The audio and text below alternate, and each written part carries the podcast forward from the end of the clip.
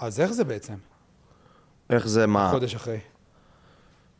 וואלה, היינו על ענן כזה מאוד אה, אופוריה אחרי החתונה, ועכשיו אתה כזה מתחיל להרגיש את, ה...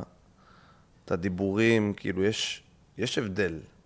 אתה יודע, בסוף אתה מתחתן בשביל לבנות משפחה, לבנות בית ביחד, אז אני חושב שעיקר העניין זה באמת לתת את הלגיטימציה, להתחיל לדבר על, אוקיי, מתי עושים ילדים, מתי אנחנו רוצים uh, לטוס לירח דבש, כל הדברים האלה שכאילו מכינים אותך לנקסט לבל.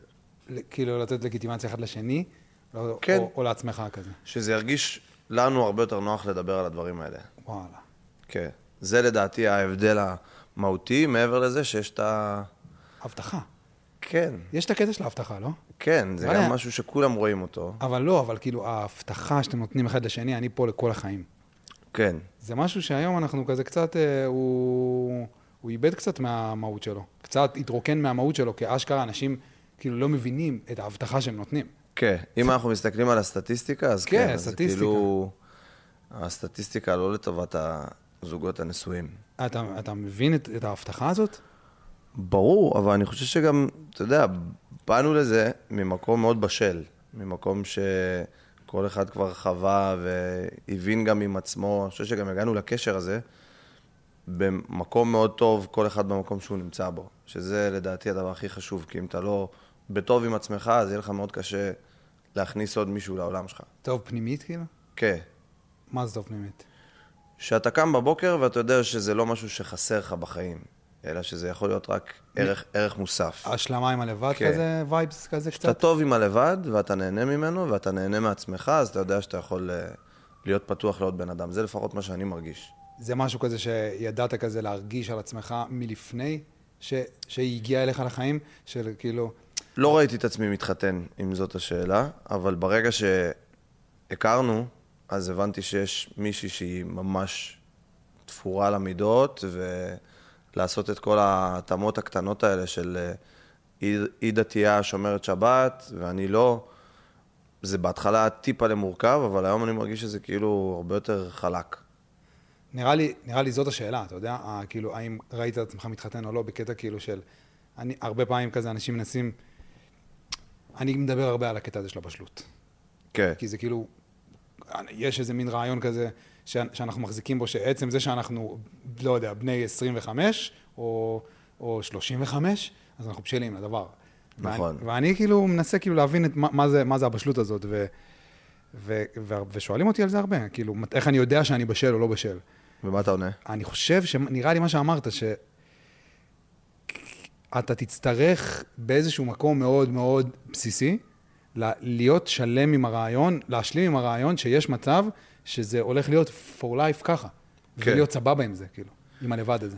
אני גם מאוד אה, מקבל השראה מה, מההורים, מהמשפחה, מהאחים, והדוגמאות שיש לי מול העיניים הן ממש טובות. Mm. ואני חושב שזה גם פקטור ל, לאנשים של מה שהם חוו, בין אם זה בילדות שלהם, כן. ובין אם זה בסביבה הקרובה. יש לי הרבה חברים שהם גרושים, אז אתה יודע, גם טעויות של, של אחרים זה משהו שהוא כזה... חברים גרושים? כן. אתה מבין? כאילו, השאלה אם, הם, החברים הגרושים, אתה חושב שהם הבינו את, את גודל ההבטחה הזה? או שזה פשוט כזה היה, כאילו, אנחנו מתחתנים. אני חושב שגם הרבה דברים משתנים תוך כדי תנועה, אז קשה לשפוט עכשיו זוג שהחליט לפרק את החבילה, וכן אפשר ללמוד מזה, מהסיבות, מהטריגרים, מאיך הם התנהלו נגיד בשעת משבר, כי ברור לנו שזה לא יהיה תמיד לאבי דווי ותמיד נעים, ויהיו מהמורות שנצטרך לדעת איך, איך עוברים אותם ביחד. זה הקטע, לא? באיזשהו מקום אפילו. כן, זה לדעתי ה... הסיפור, כאילו. עשינו שבת חתן, וכל הדודים והדודות וההורים וכזה, עשו מעגל טיפים. אז באמת, היה הרבה דיבור שם על העניין הזה של איך לצלוח משברים, לדעת שהם יבואו. אה, מעגל טיפים, כאילו, ליטרלי טיפים. טיפים, מזוגות נשואים, וואלה. שהם נשואים 30, 40, 50 שנה אפילו. ו... וזה היה מדהים לראות את זה, כי זה גם דוגמאות שאתה אומר, מזה אני יכול ללמוד, מה כן לעשות, ואתה יודע, מסיפורים שאני מכיר מקרוב, גם מה לא לעשות.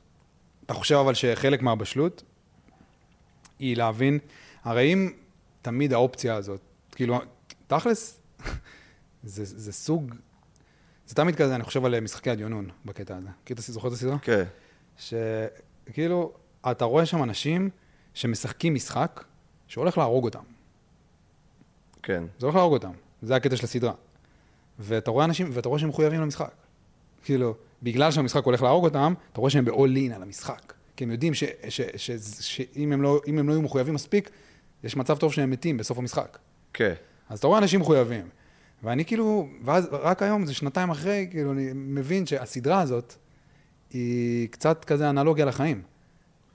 אבל אפשר גם להסתכל על, ה, על הצד החיובי של, של מה, מה אתה מרוויח מקשר שהוא טוב, מקשר שהוא בריא. כמות האהבה ש, שמספרים לי על, אתה יודע, על ברגע שנכנס ילד לעולם, זה לא משהו שהכרת, ואנשים מחלקים את החיים שלהם ללפני ואחרי. ואני חושב שלשם אנחנו שואפים בעניין הזה של להסתכל על, ה, על הפוזיטיב, ולא להסתכל על העניין הזה של זה לנצח, עם זה אתה נתקע עכשיו לכל החיים, ותתמודד, תשרוד. אני אומר ההפך, כאילו, אני אומר את זה, אני אומר את זה בקטע של הפוזיטיב. אני אומר את זה בקטע של אם אתה, קודם כל, המשחקי הדיונון בשבילי היה איזה מין אנלוגיה כזאת לחיים עצמם.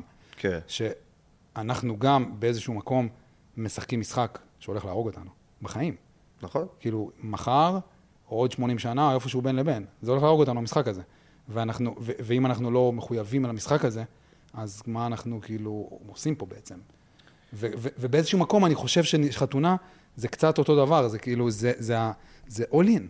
זה, זה ההבטחה הזאת שאתה נותן, היא כשלעצמה, היא זאת שמאפשרת את ה... אם אתה כל הזמן תחזיק איזה מין רעיון כזה שיש מצב שמתישהו אנחנו ניפרד, או יש מצב שתמיד אולי אני אמצא משהו אחר יותר טוב, אז כאילו באיזשהו מקום לא, אף פעם לא היית מחויב באמת להבטחה הזאת.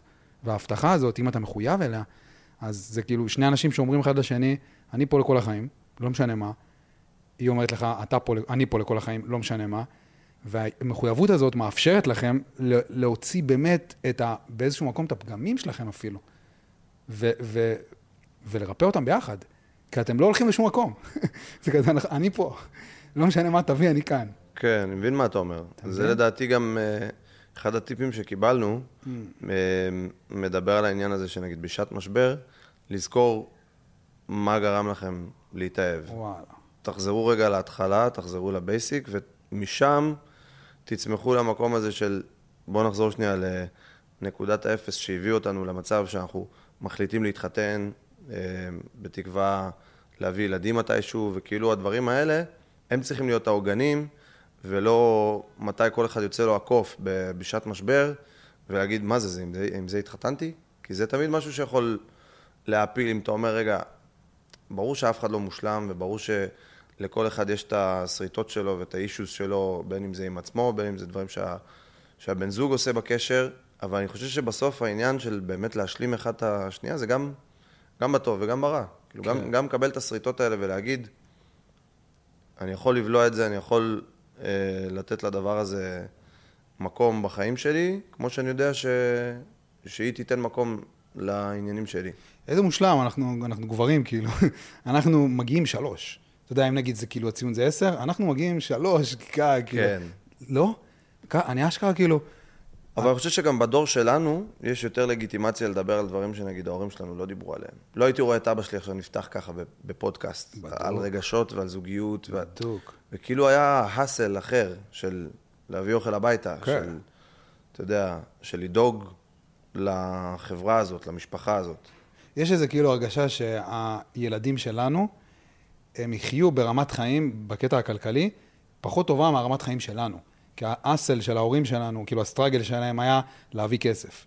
וזה מרגיש טיפה שהסטראגל שלנו הוא, הוא, טיפ, הוא קצת, הוא טיפה שונה.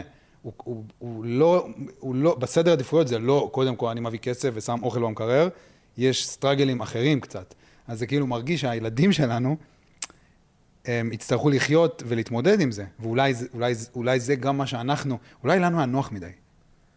נוח לנו מדי, כאילו. אתה מבין? אני חושב שאני מאוד מתחבר למה שאתה אומר בעניין הזה של כל דור יש לו איזשהו מאבק. כן.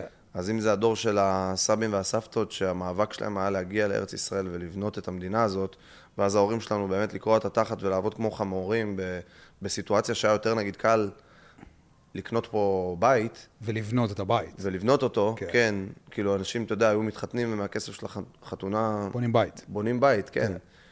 אז אני חושב שהעניין של הדור שלנו זה יותר לחפור עמוק לנפש ולצלול למקומות שהדורות הקודמים לא צללו אליהם, ולגבי הדור הבא, אני חושב שיהיה להם הרבה יותר כלים להתמודדות. כאילו, אם פעם היו נותנים לילד ריטלין, היום ידעו לזהות את החוזקות שלו ולטפח אותם.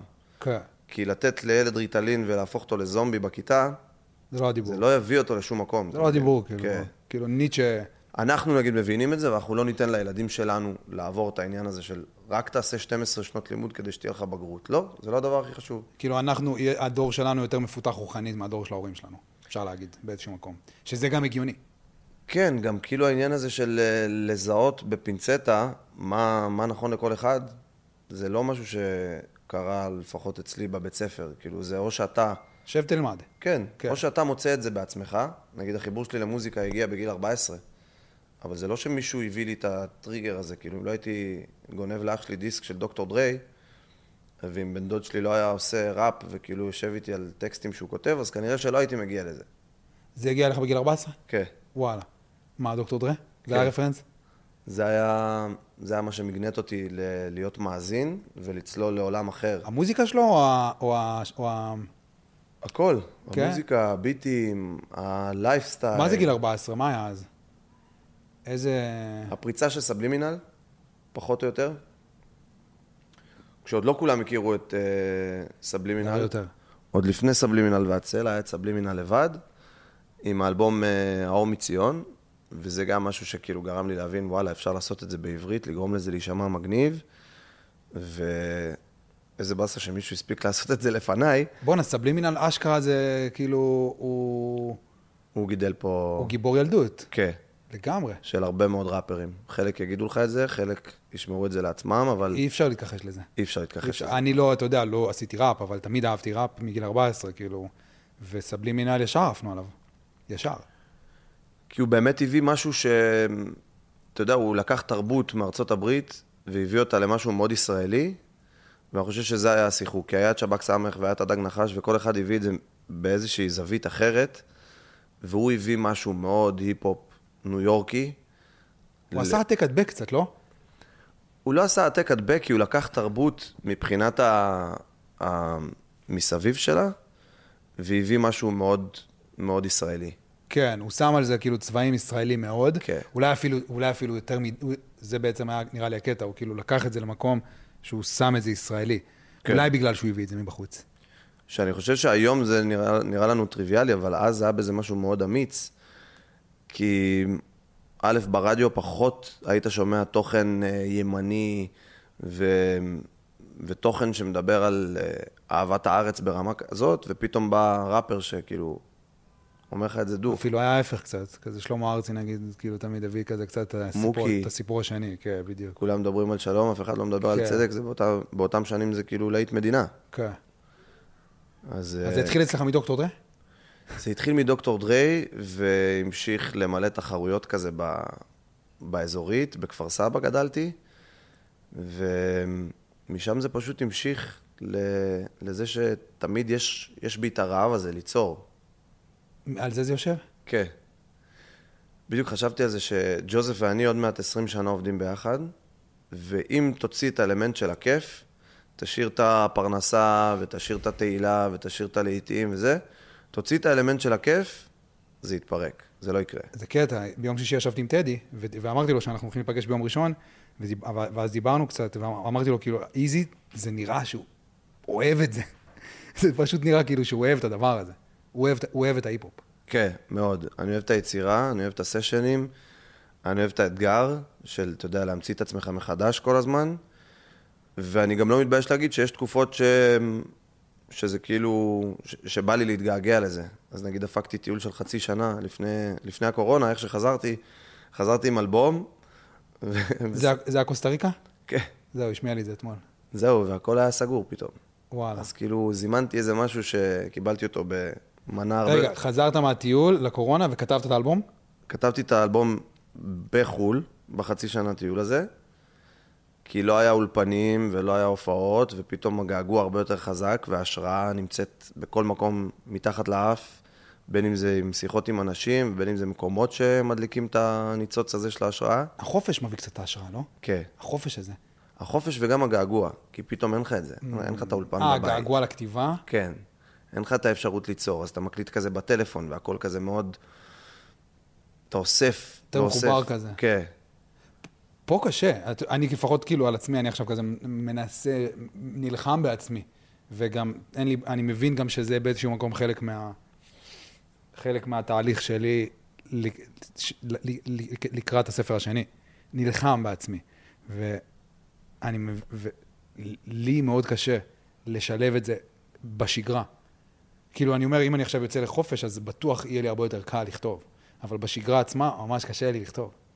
כן, אני עשיתי רשימה של דברים שבאמת עוזרים לי לזמן את ההשראה ואת המוזה. אני חושב שאחד הבולטים זה דדליין, שתמיד, נגיד באלבום האחרון, שיש בו שיתופי פעולה עם אה, נועה קירל וגיא מזיג ואלי פיניש, חודש לפני ששחררנו את האלבום, לא היה שיתוף פעולה אחד. וכאילו הכל כזה קרה ברגע האחרון. כי כתבת כזה מאוד מוכוון לאלבום?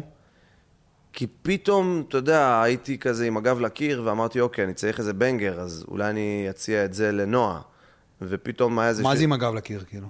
עם הגב לקיר, שאתה אומר עוד חודש האלבום שלי יוצא, ואני מרגיש שאין לי בו איזה משהו שעכשיו יביא איזה אה, בשורה. הבנתי. חודש לפני שהאלבום יוצא, כן. ועוד לא, ועוד לא היית עם, עם, עם השת"פים האלה? כן, לא הייתי איתם. הבנתי.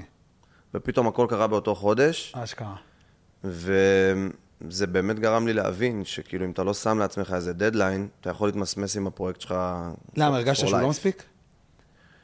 הרגשתי שחסר בו, יש בו הרבה עומקים, וצללתי להרבה מקומות שכאילו מאוד נהניתי לדבר עליהם, אבל הרגשתי שיהיה לשיר פינטו, היחצן, מאוד קשה אחלה- לעבוד. אחלה שיר. כן. אני מכיר אותו מטרמינל. אז זהו, אז אמרתי שיהיה לו מאוד קשה לעבוד, כאילו, בלי, ה... בלי השת"פים האלה, בלי הבנגר הזה עם נועה. כן. בלי אה, אה, פאנקי שיט עם גיא מזיג. אבל מא- מאיזה מקום אתה כותב, אבל? הרבה פעמים אינטואיטיבית, זה יכול לבוא מאיזה ביט, נגיד את אה, גושפנקה מביט ש... שג'וזף שלח לי, את בין הבודדים מביט שג'ורדי שלח לי. וזה כאילו נתן לי גבולות גזרה, שאמרתי, אוקיי, אני יודע מה אני הולך להגיד, אני יודע איך, איך זה צריך להישמע מבחינת הטון, מבחינת הפלואו, ועכשיו רק צריך לצקת לתוך הדבר הזה טקסט, שיגניב אותי לשמוע כל פעם מחדש שאני שומע אותו. אם זה לא יגניב אותי לשמוע את הסקיצה הזאת שוב ושוב, אז כנראה שזה יידחק באיזה תיקייה, תיקייה במחשב, ו... אתה עושה בעצם את המוזיקה שאתה היית רוצה לשמוע? כן. כזה? ומעביר את התכנים ש... שבוער לי להגיד. לפעמים זה דברים שמאוד לא נעים לדבר עליהם. שיר כמו עוד לילה בסדום, שמדבר על האונס באילת, הייתי מעדיף לוותר עליו ברפרטואר. אז מאיפה זה בא לך?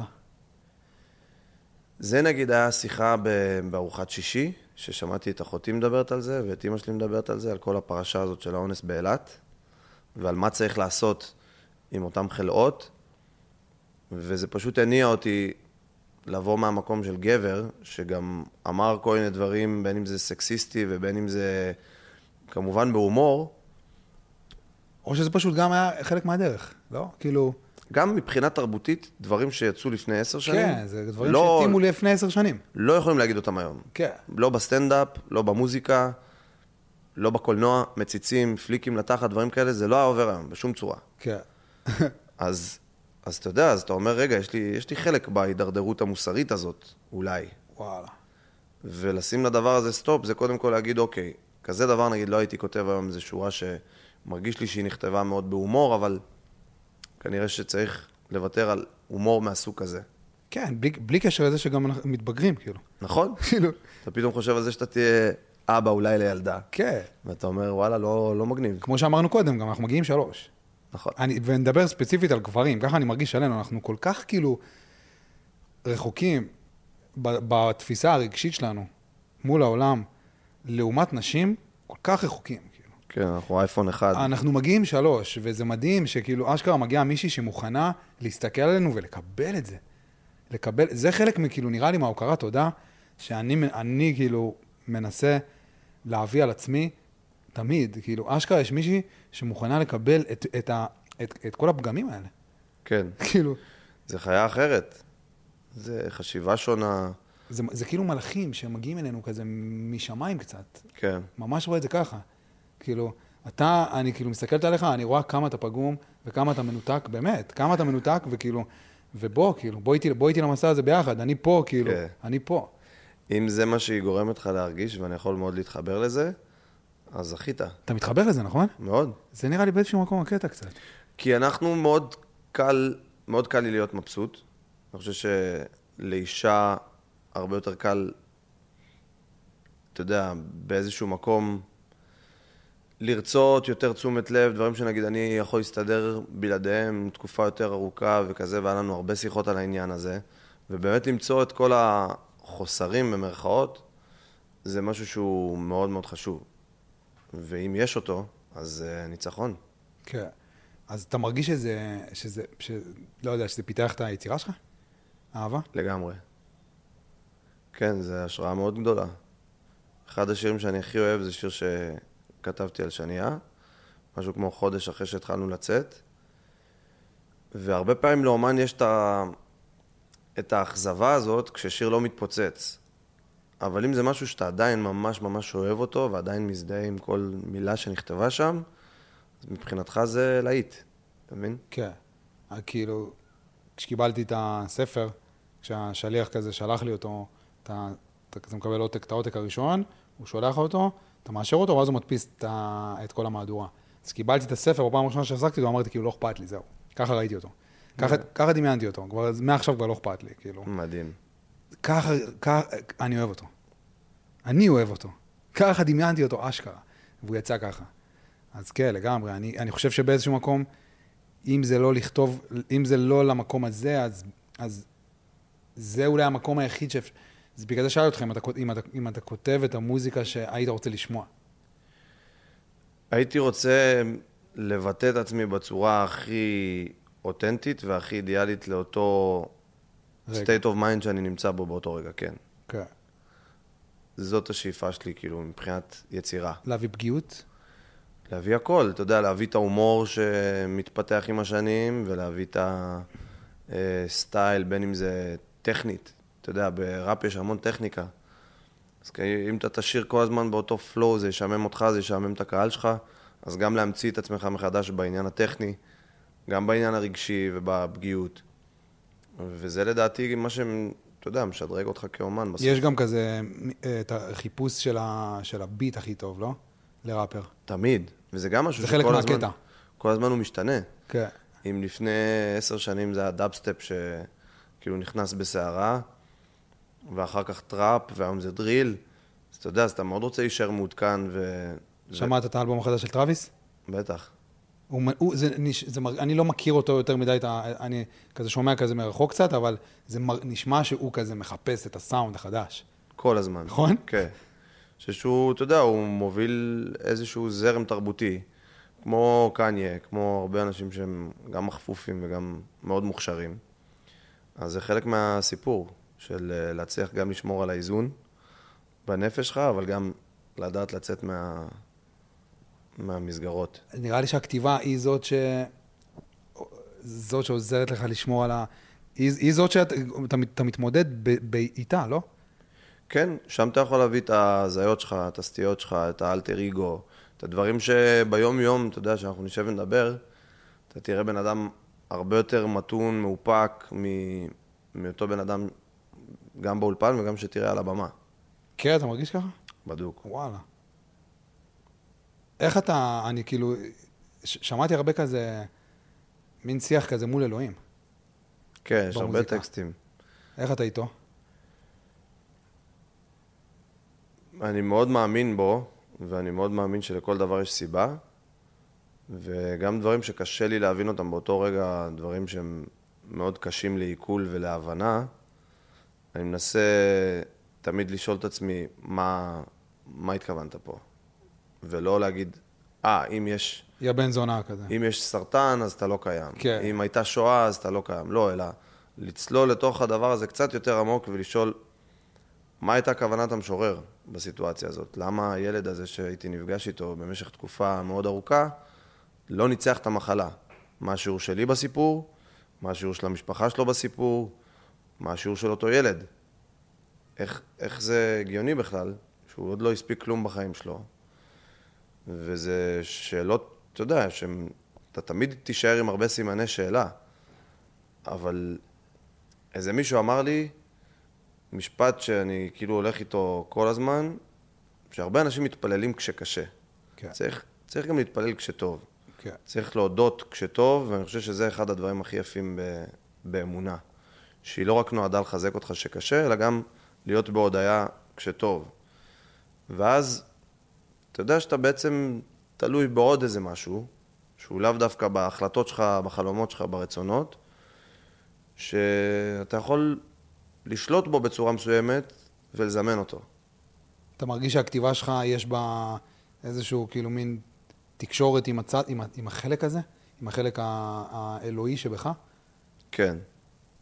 כן, הרבה פעמים טקסטים נשפכים ואתה אומר, אין לי שום חלק בדבר, מלבד הזמן והמקום שאני נמצא בו, כי אתה פשוט מרגיש שזה יוצא לבד. כאילו, יש כזה, נראה לי ליאונרד כהן, או לא זוכר, תיאר את זה פעם, שאלו אותו כאילו, מה זה אומנות? אה, לא, אה, רם דס, אתה יודע מי זה? כן. הוא כאילו, שאלו אותו לתאר מה זה אומנות, והוא כאילו, הוא ניסה כזה לנסות להסביר את זה דרך ה... כשאיינשטיין הולך למקום הזה שהוא הולך אליו, וחוזר עם ה-E שווה MC בריבוע, או שליאונרד כהן הולך לאיזשהו מקום וחוזר עם הללויה, אז המקום הזה, הוא, זה, זה באיזשהו מקום, כאילו, הגרעין האלוהי הזה, שהאומנות היא פשוט הדרך שלו לתת לנו איזושהי, כאילו, איזשהו כלי, להרגיש טיפה קצת את המקום הזה אצלנו. משהו כזה. כאילו, החיבור הזה בין האין לליש, כזה. גם יש אה, איזה משהו ששמעתי ב... באיזה שיעור תורה אצל חנן, שהוא חבר טוב, חנן בן ארי, והוא דיבר, הוא עושה שיעורי תורה? הוא עושה כזה התוועדויות אצלו בבית, נגיד תיקון שבועות וכזה, אז יושבים כמה חברים וקוראים איזה משהו, והוא קרא משהו מאוד מעניין על איזה רב שחיפש להגיע לאיזה פתרון מאוד מסובך, שהוא לקח לו מלא זמן למצוא את הפתרון הזה, ואחרי שהוא מצא את הפתרון הוא היה כל כך שמח, שהוא לא ידע את נפשו, הוא ירד למטה, והוא שמע שתי ילדים מדברים. בדיוק על... ילד אחד שאל את השאלה, והשני ישר אמר לו את התשובה. והוא לא הבין איך זה. ובסוף הוא צלל לתוך התובנה הזאת שכשמשהו יורד, איזה רעיון מסוים, איזו השראה מסוימת, זה לא מגיע רק לעומרי, זה לא מגיע רק לאיזי, זה מגיע לכולם. כן. ואתה צריך לתפוס את זה כמה שיותר מהר, יש מצב שזה התפקיד של, ה- של האמן, אולי? לתפוס את זה ו- ולבטא את זה? ולשחרר את זה, כן. לבטא את זה, כאילו. כן. זה כאילו, זה לא שלך. לגמרי. זה לא שלך. צינורות, תבטא את זה. נכון. זה התפקיד קצת. תפקיד נבואי כזה קצת אולי. זה תפקיד שכן, יש בו הרבה שליחות, ויש בו הרבה... הוא חייב להיות קשה גם, נראה לי. אם הוא, אם הוא נבואי ויש בו שליחות, הוא חייב, אתה צריך להיות בן אדם מאוד חזק בשביל, כאילו, לדעת לקבל אותו ולהוציא אותו. אז כאילו, זה, אתה, זה, זה, זה, זה צריך להיות קשה גם קצת, לא? זה צריך אה, לעבור דרך. כאילו, אם, אם אתה מבין את העניין הזה שבכלל באומנות, שאתה רוצה להביא אותה להמונים, יש פוקסים מדי פעם, אבל בסופו של דבר האומנים שהיה להם פוקס כזה או אחר, אז היה להם איזה להיט שהחזיק, אתה יודע כמה שהחזיק. אבל בסופו של דבר אתה צריך להיות בנוי לזה שכל פעם מחדש אתה תצטרך להמציא את עצמך מחדש ולעבור את הדרך הזאת ולהביא את ההשראה ו... אתה לא בונה על הפוקסים, כאילו. לא, אני בונה על לחבק אותה כשהיא שם, הרבה פעמים יש משהו שאתה מרגיש שהוא בורח לך מהידיים. איזה רעיון, כי אתה פתאום באוטו, ופתאום יש מלא הסחות דעת, ופתאום בא לך לעשות איזה סשן כתיבה, אבל אתה כבר גמור מעייפות, אז אלה הדברים שאני רוצה לנצח, בכל מה שקשור ליצירה. כאילו, ליצור למרות? כן. אתה כותב כזה כל יום? לא, זה כזה בתקופות, אבל נגיד בתקופה האחרונה יש לי מלא השראה. מה, אתה יושב במחברת כותב כזה? אמינם סטייל? גם ביטים שפתאום רצים, זה יכול לרוץ 6-7 שעות, ואני יושב באולפן, פעם אחת אני אכתוב שתי שורות, ופעם אחת אני אכתוב בית פזמון. את השיר נגיד על ילד מטריה כזה, רצת אותו? 20 דקות. אשכרה. כן. וואי, בדיוק עכשיו ישבתי... לא תיקנתי את זה, לא, לא כלום, איך שזה... צס, יצא נדיר, ישבנו עם מישהו שאמרתי לו, בוא'נה, בא לי עוד כאלה מאיזי, עוד כאלה. כן, אני חושב שאחד הטיפים שנתת לי, זה באמת לקחת את העניין הזה של אה, ורסים, אתה יודע, הרבה פעמים כשאומן מוציא שיר, הוא לא רוצה לחשוף אותו לפני. אני נתתי לך? כן, אתה אמרת לי, כאלה אני רוצה שתעלה כל יום. בדובאי? כן. וואי, כן. מה היה שם? איזה ורס, שכנראה, אתה יודע, הוא, הוא נגע איפשהו, הוא נגע לך באיזה נקודה, ואמרת, כאלה בא לי שתעלה כל יום. ומאוד לקחתי את הטיפ הזה. גם אני מאוד קילפתי את הקליפות של הציניות מהטיק טוק, והתמסרתי לאפליקציה הזאת. אתה אומר שיש מצב שזה קשור כאילו לרקע הזה שם? גם. כי אני כאילו עף עליך בטיקטוק. לא ידעתי, בכלל שכחתי שכאילו דיברנו על זה. לקחתי ילד בן 18, שלימד אותי את כל התורה, עד היום אנחנו עובדים ביחד, ומתייחס אליו כמו אל מאמן כושר. בסוף זה תלוי בך, אבל בגלל שאתה משלם על זה כסף, ובגלל שאתה רוצה לראות תוצאות, אז אתה אומר, אוקיי, אז, אז אני אתמסר לתהליך. הוא עושה לך את זה כאילו? הרבה ביחד, אבל כן, יש לו חלק מאוד גדול בכל מה שקשור לעריכה, לכתוביות, דברים שאתה יודע, לקח לי מלא זמן לעשות. כן. אני עושה את זה, כאילו, אני גם עושה את זה. עושה, יושב על המחשב, שעות, כורך, כאילו... מרגיש באיזשהו, כזה, אני קצת מרגיש כאילו בתקופה, בשנה האחרונה, שזה, ש... זה כזה קצת העבודה הקשה, כן. שאני מחויב אליה, ומה שהיא תביא, תביא, ומה שהיא לא תביא, לא תביא, אבל, אבל זה הדבר, כאילו. אני מבין שזה הדבר, זה כאילו קצת כזה in. אתה, אתה כן. in כבר שנים, לא?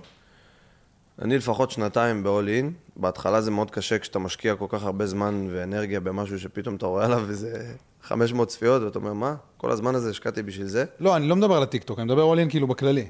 אה, במוזיקה? כן. לא היה לי שום דבר אחר מגיל 14, אתה יודע, למעט עבודות וצבא וכאלה. כן. וגם כשנגיד אחרי הצבא למדתי קופי רייטינג, זה היה בשביל למצוא את הדבר שהוא הכי קרוב לאהבה שלי, שזה לכתוב כתיבה. וליצור, כן. אז כאילו אתה כזה במין מוד כזה של זה יביא מה שזה יביא, זה לא יביא מה שזה לא יביא, וזהו, זה מי שאני, כאילו, כזה. מה שצריך להגיע, יגיע. כן, זה כזה. אבל אני צריך לתת תמיד את ה- את המאה אחוז.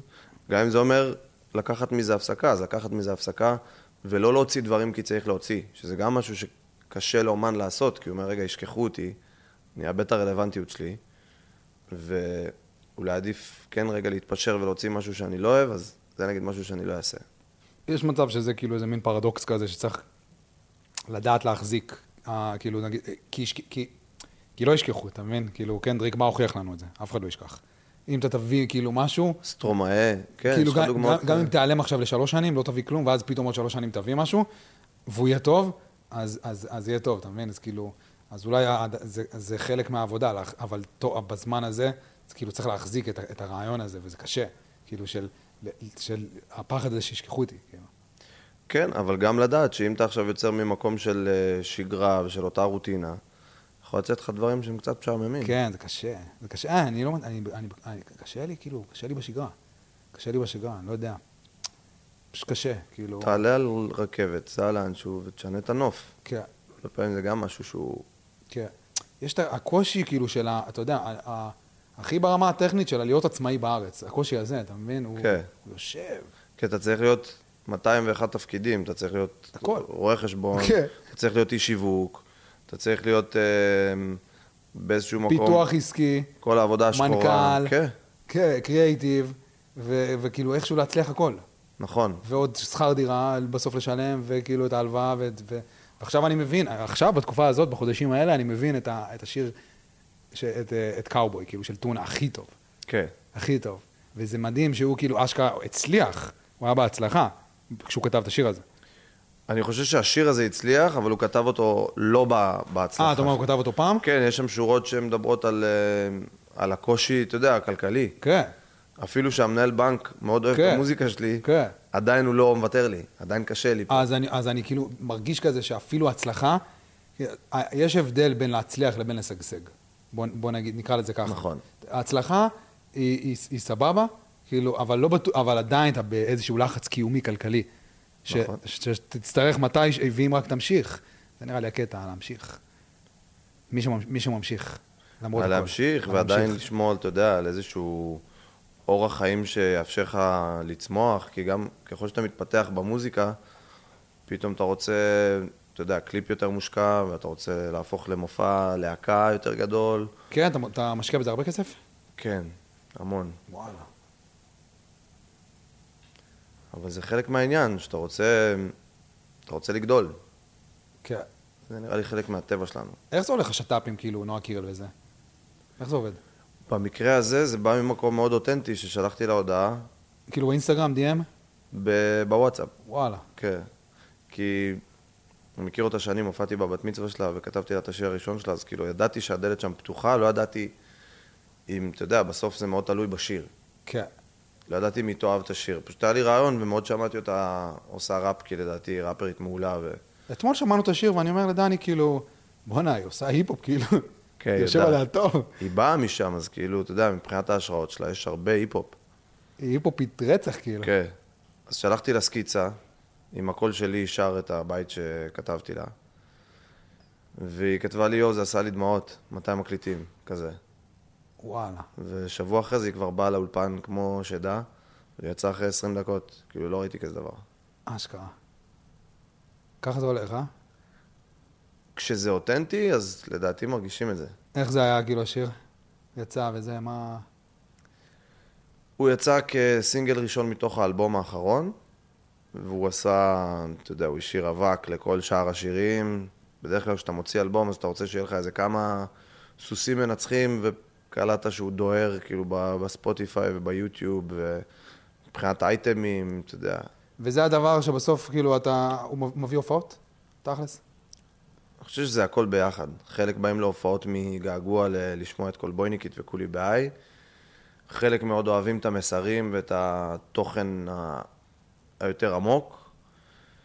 וחלק באים עם העדר, אתה יודע, עם ההייפ, עם ההצלחה. אתה מרגיש את זה עכשיו? כן, אני מרגיש שזה סייקלים, שכאילו יש את הקהל שגדל עליי, ש... את ההצלחה, אתה כאילו... כן, כן? אני רואה את זה במספרים, בכרטיסים, בהופעות, אשכרה. כן. איזה כיף.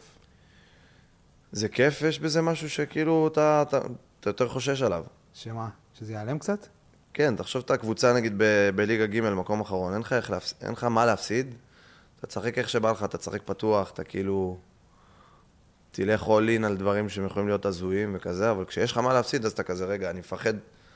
נהייתי צרוד לפני כמה ימים, ואני פתאום מפחד שכאילו זה ידפוק לי את כל uh, חודש אוגוסט, שהוא, ברוך השם, מאוד עמוס. וזה נכנס לך לכתיבה גם? שיש עליך יותר עיניים? באיזשהו מקום כן. כן.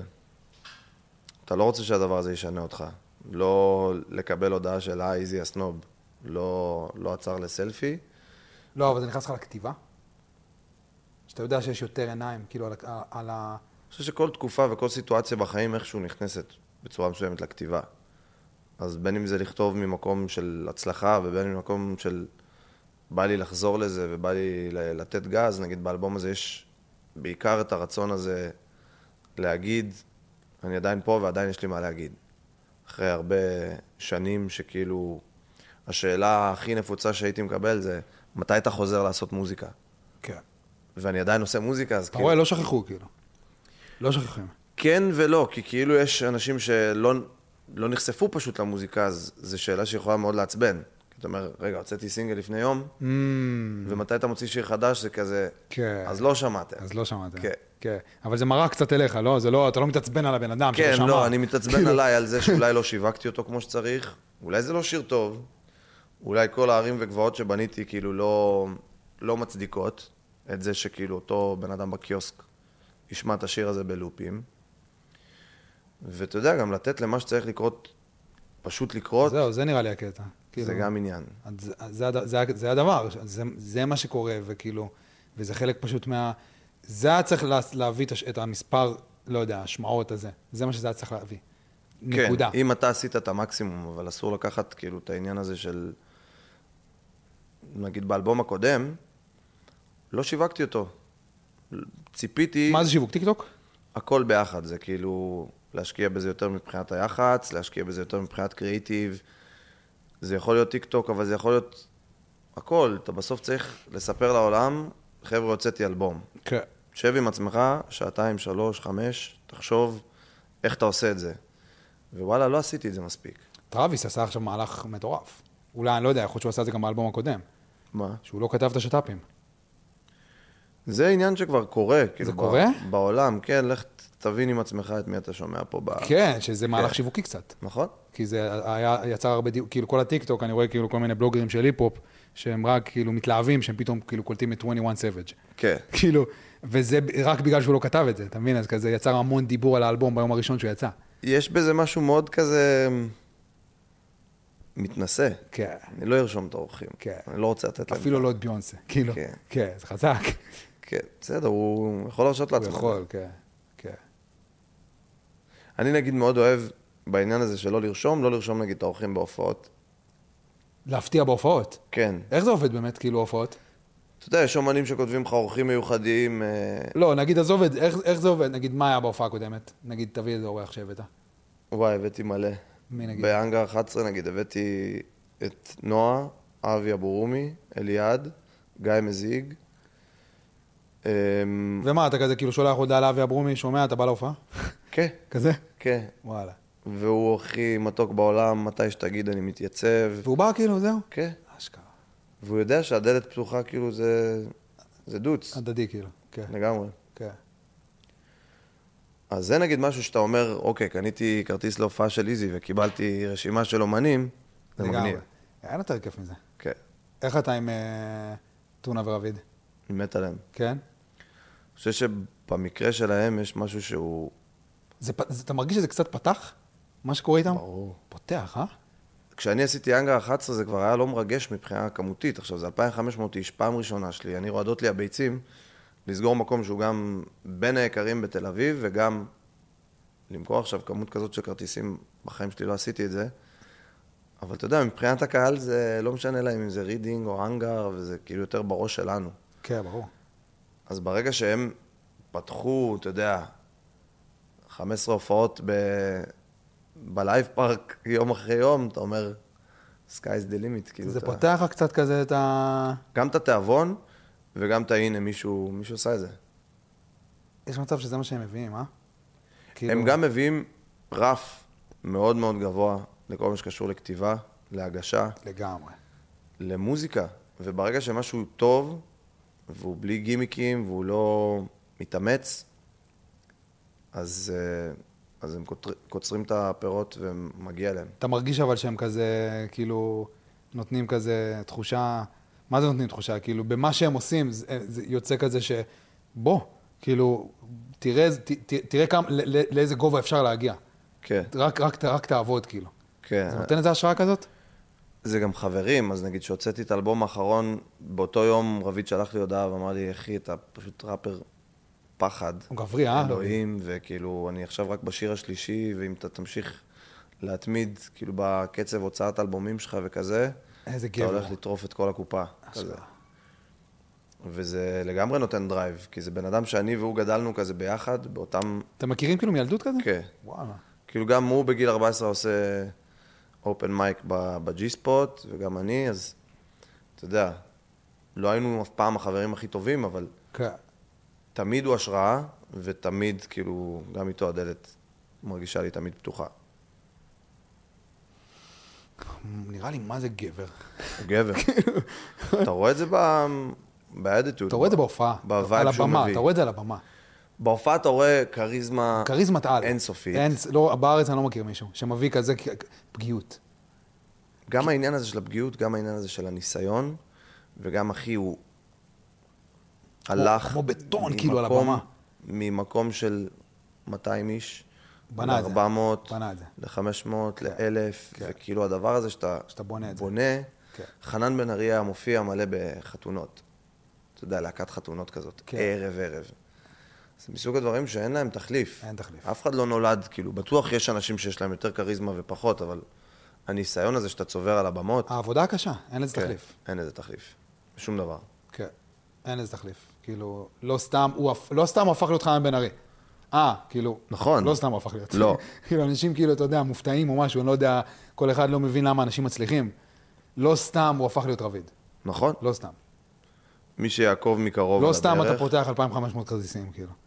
כן, אני חושב שיש משהו מאוד, מאוד, מאוד חשוב, במיוחד בתחום הזה, לה- להתמדה. כן. נראה לי זה, זה הכי חשוב. כן. נראה לי זה הכי חשוב. כי זה, כי זה כזה, יש כזה קטע כזה שכאילו אם אנחנו כזה מדברים על חלומות, אם בכלל, אתה יודע, אפשר לקרוא לזה חלום, זה כבר כאילו, מה זה כאילו, אני, זה דיבור טיפה שונה קצת, זה כאילו, זה בדיוק, זה דיבור של התמדה, אבל זה כזה כאילו מקרו-מיקרו, הדיבור הזה של החלומות. זה כזה, כאילו, במקרו, ברקע, כזה, זה ייקח עשר שנים. חמש עשר שנה. זה ייקח כן. זה לא עניין של זמן בכלל. כן, זה לא עניין. של... בדיוק, זה לא עניין של זמן, כאילו, זה במקרו. במיקרו, כל יום צריך לעבוד כמו משוגע.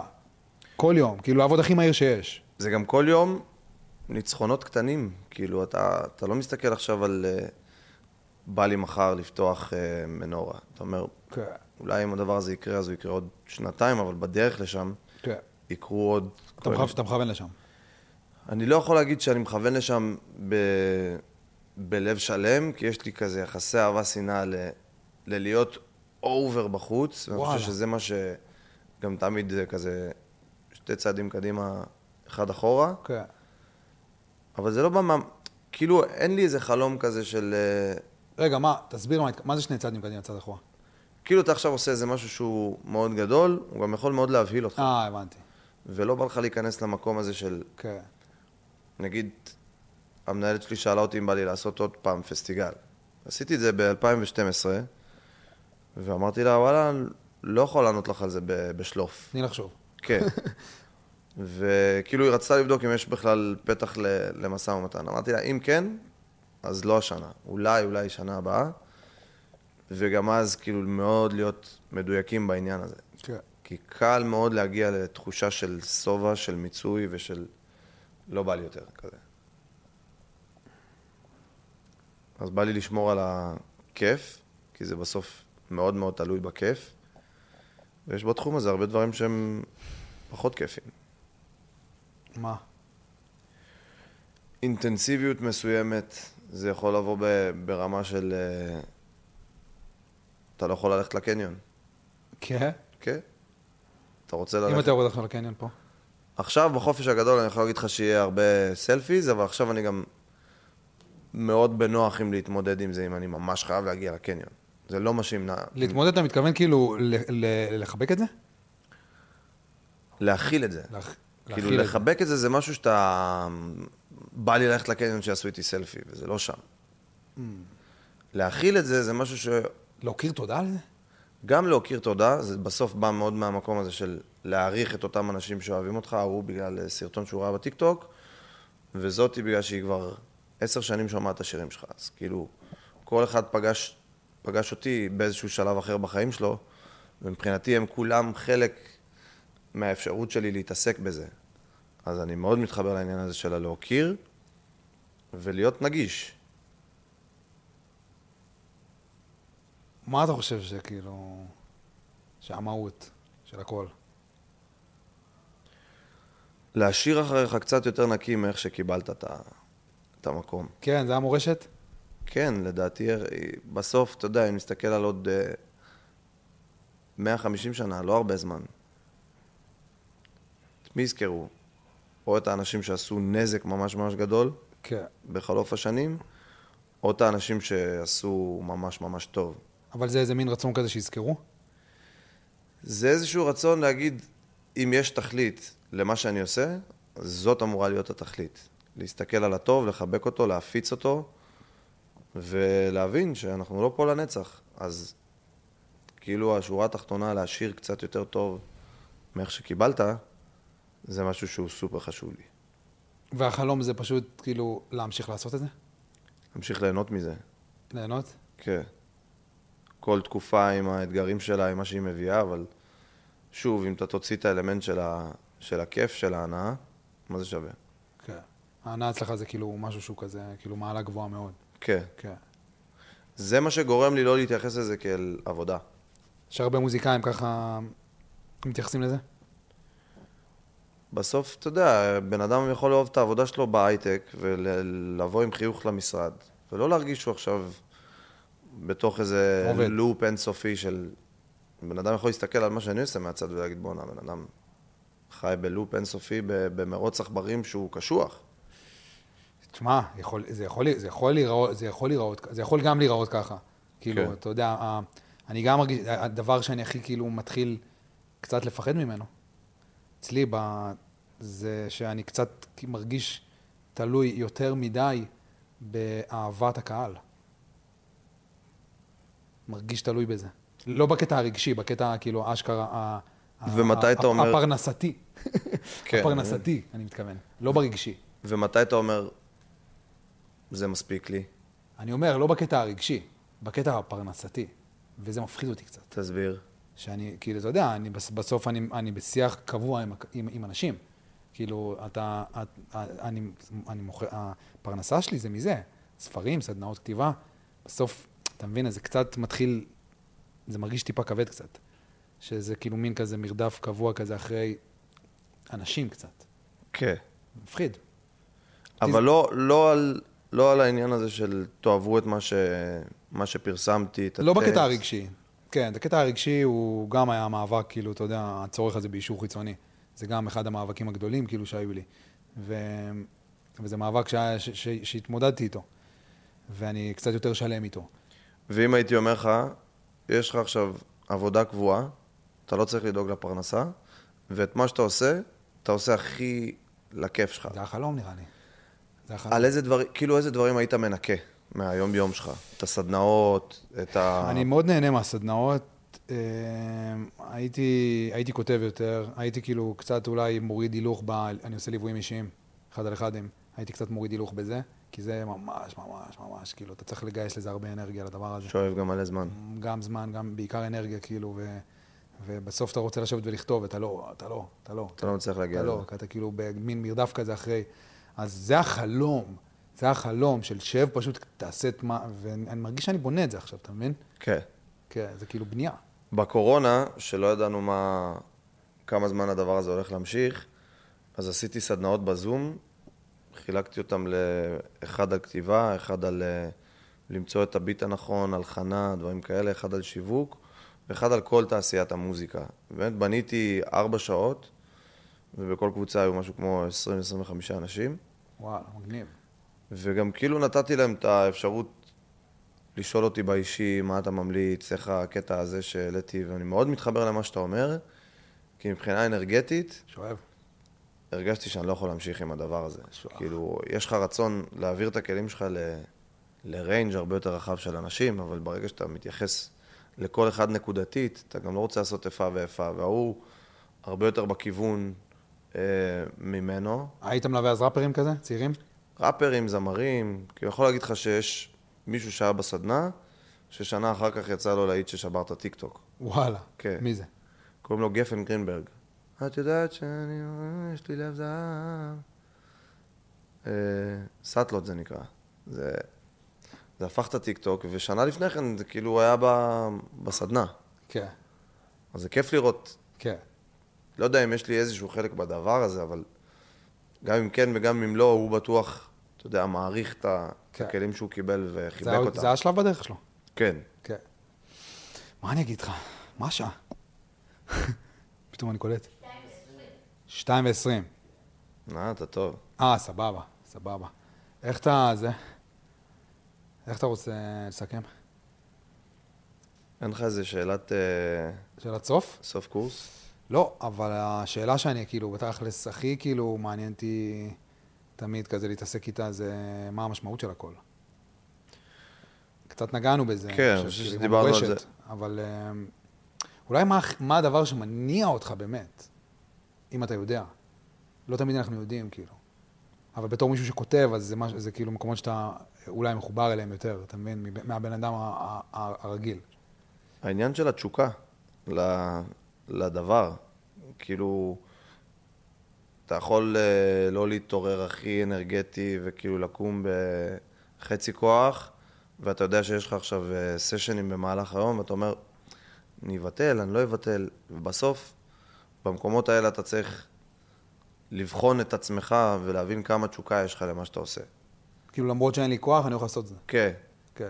כי אני יודע שזה יכול גם לשנות לי את המצב רוח, גם להביא משהו ש... זה הניצחונות הקטנים האלה, כן. דיברת עליהם? כן, לגמרי. כן. זה עבודה קשה. אי אפשר לברוח מעבודה קשה. אי אפשר. כאילו זה כזה, תעבוד, זה כמו שרביד קצת אמר לך נראה לי. תוציא עוד, כאילו, תמשיך, כן, תמשיך. אני, כשהתחלתי לכתוב, אתה מכיר את אלרן? כן, מכיר אותו. מאיפה? נראה לי דיברנו עליו. דיברנו עליו? הוא כאילו, ישבתי איתו, הוא התחיל לצלם אז בדיוק, וכזה הוא עושה לי, וזה היה לפני שהתחלתי לכתוב, כאילו. ישבנו 2019, או חורף 2018.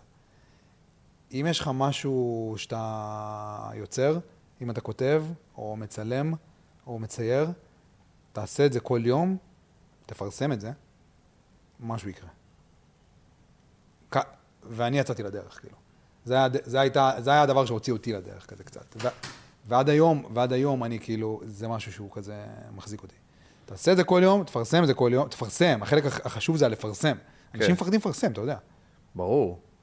זה מקום מאוד פגיע. מאוד, כאילו... מה יגידו עליי? איך כן. אני נראה? אני מצטלם טוב, אני נשמע טוב, אני נראה טוב, זה כאילו... אפשר להבין מאיזה מקום זה בא. ברור, ברור. אז אה, זה פשוט להוריד הרבה קליפות ולהגיע ל... באמת למהות של למה אני עושה את מה שאני עושה, מה יותר חשוב עכשיו על כף המאזניים. איך שאני מצטלם, או הדליברי. כן. מה אני, מה אני מעביר פה? אולי זה גם הדבר, אתה יודע, שאנשים כאילו, שאנשים כאילו יכולים לקחת, שזה כזה, אני רואה את זה כזה בקטע, הפחד הזה שלך מלפרסם, הוא סבבה, אני מבין שהוא מפחיד רצח, כאילו, לגמרי. זה מפחיד באמת, אבל הוא כלום לעומת הפחד מהחרטה שתרגיש בגיל 87, נכון. שתשב על הכורסה ב... במרפסת, בקיבוץ. ות, ותריץ לאחור. ותחשוב, ותגיד לה, ותיזכר שלא פרסמת רק כי פחדת ממה הם יגידו. זה מפחיד באמת. נכון? זה מפחיד באמת, כאילו. זה... ולך אין את הפחד הזה. זה כל פעם, שוב, זה אותם ניצחונות קטנים. אני נזכר נגיד בהופעות הראשונות שלי, והייתי כאילו עומד קפוא על הבמה. אתה יודע, מסתכל לאיזה נקודה אחת, לא מזיז ממנה את העיניים, הבעת פנים קפואה, שוקיסט, כן. למות, אפס כריזמה, ואתה פשוט מדקלם איזה משהו שהתאמנת עליו מלא בבית, כן. ועם הזמן אתה לומד גם לעשות פרי סטייל, וגם להסתכל על הקהל, וגם, אתה יודע, לחבק את הדבר הזה, וזה כל פעם עוד איזה שלב שאתה מתגבר עליו. זה... לראות את הקליפים האלה היום זה התמונות ניצחון שלך קצת, לא? את המה? את הקליפים האלה היום של, שלך, כאילו, בהופעות ה... כאילו, לראות את, את התמונות האלה. אני עדיין מסתכל על זה בתור משהו של את זה הייתי צריך לעשות יותר טוב. וואלה. פה הייתי צריך אה, אולי לדבר אחרת בקטע קישור, זה כאילו... קטע הפעם- ביקורתי כזה? מרצון להשתפר, כן, מ- מרצון להגיד, "אמ, יכלתי, יכלתי לעשות את הביצוע הזה קצת יותר אה, סוחף. יש לך את השיפוטיות הזאת על עצמך? כן, אני חושב שזה מנגנון מאוד חשוב אה, שכזה... למישהו שרוצה להתפתח. להביא... אם אני אסתכל על ההופעה ההיא, נגיד באנגר 11, כההופעה הכי טובה שלי, אז זה יוציא לי את כל הרעב, את כל הדרייב. ואני אומר, אני יכול להשתפר ממנה, ואז בהופעה בזאפה באר שבע הרגשתי שהתעליתי עליה מבחינתי, אמנם פחות קהל וכזה, אבל הקהל הזה שבא אליי לראות בבאר שבע או בחיפה, קיבל גרסה יותר טובה של עצמי. ההופעות זה החלק הכי כיף, לא? לא תמיד. לא? ת- לא תמיד, לא. לפעמים יש בזה משהו שהוא יכול להיות אינטנסיבי. גם הרבה פעמים יש אי ודאות לאן אתה הולך. במיוחד בהופעות המכורות שדיברנו עליהן. נגיד, אתה מגיע לאיזו עירייה, כמה מהם באמת אוהבים אותי, כמה לא, לא, אז בדוק, בדוק. אני מדבר, הייתי ב... הייתי בהופעה של בילי בלונדון, וג'סי רייז, אתה יודע מי זאת? לא. חיממה אותה. מישהי כזה גם, חצי ראפרית, חצי כזה... בריטית? לא, אה, כזה לטינית קצת, ו... אבל היא כזה מגניבה ממש, כזה, פת... לא יודע, כזה סדר גודל כזה 4 מיליון עוקבים כזה באינסטגרם, כזה. היא חיממה את בילי, וכאילו 25 אלף איש, לא יודע, כאילו, היא עולה, והיא שרה איזה חמישה שירים, וארבעה השירים הראשונים, היא, היא שרה עם עיניים עצומות. וואלה. ואני אומר כזה, ל... ואני כזה אומר לדני, אני עושה לה כזה, אני מרגיש, יש לי תחו- תחושה שהיא כאילו, היא מפחדת לראות את הקהל, כי היא מבינה באיזשהו מקום שהוא לא בא בשבילה. קשה לה להסתכל, קשה. אולי גם מהסיבה שזה, אתה יודע, לקפוץ למים מאוד מאוד עמוקים, כנראה ב... בשלב מוקדם בקריירה. כן. בטוח זו ההופעה הכי גדולה שהייתה לה, נראה לי, כאילו. ואז, ואז בשיר החמישי היא התחילה לפתוח עיניים, באמת. הרגשתי כאילו שהיא קיבלה ביטחון. איזה כיף זה, לחוות אומן ב... כן, ממש. יוצא זה היה ממש. כיף, כאילו. זה היה אחד הכיפים. ואז בילי עלתה, וזה כאילו היה יותר כיף. כן, בדוק, בדוק. סגור. קיצר, אז איך, אתה, איך, איך מסכמים? אם אנחנו מדברים על מה ש... שדיברנו עליו הרבה, על העניין של המהות, אני חושב שהייתי רוצה שמי שישמע את השיחה הזאת ויבין איפה היא נגעה בו, ידע לקחת את הדברים האלה ש... שכאילו עזרו לי ולך למצוא את, ה... למצוא את המקום. עכשיו, זה מקום שהוא מאוד דינמי. אז כאילו לדעת שזה בסדר, שהכל זה תהליך מאוד מאוד ארוך, ויותר להסתכל לניצחונות הקטנים בעיניים, ולהגיד, וואלה, אני גאה בך. שזה כאילו, מה זה... זה... זה הדברים האלה שאתה לא תוכל, לא תוכל באמת להבין עד שלא עשית את הדרך הזאת. כאילו, בואנה, כאילו, אתה fucking EZ. יש לך כאילו שנים של שנים של שנים מאחוריך של עבודה. כן, ועד היום אין לי? מושג גם מה זה אומר.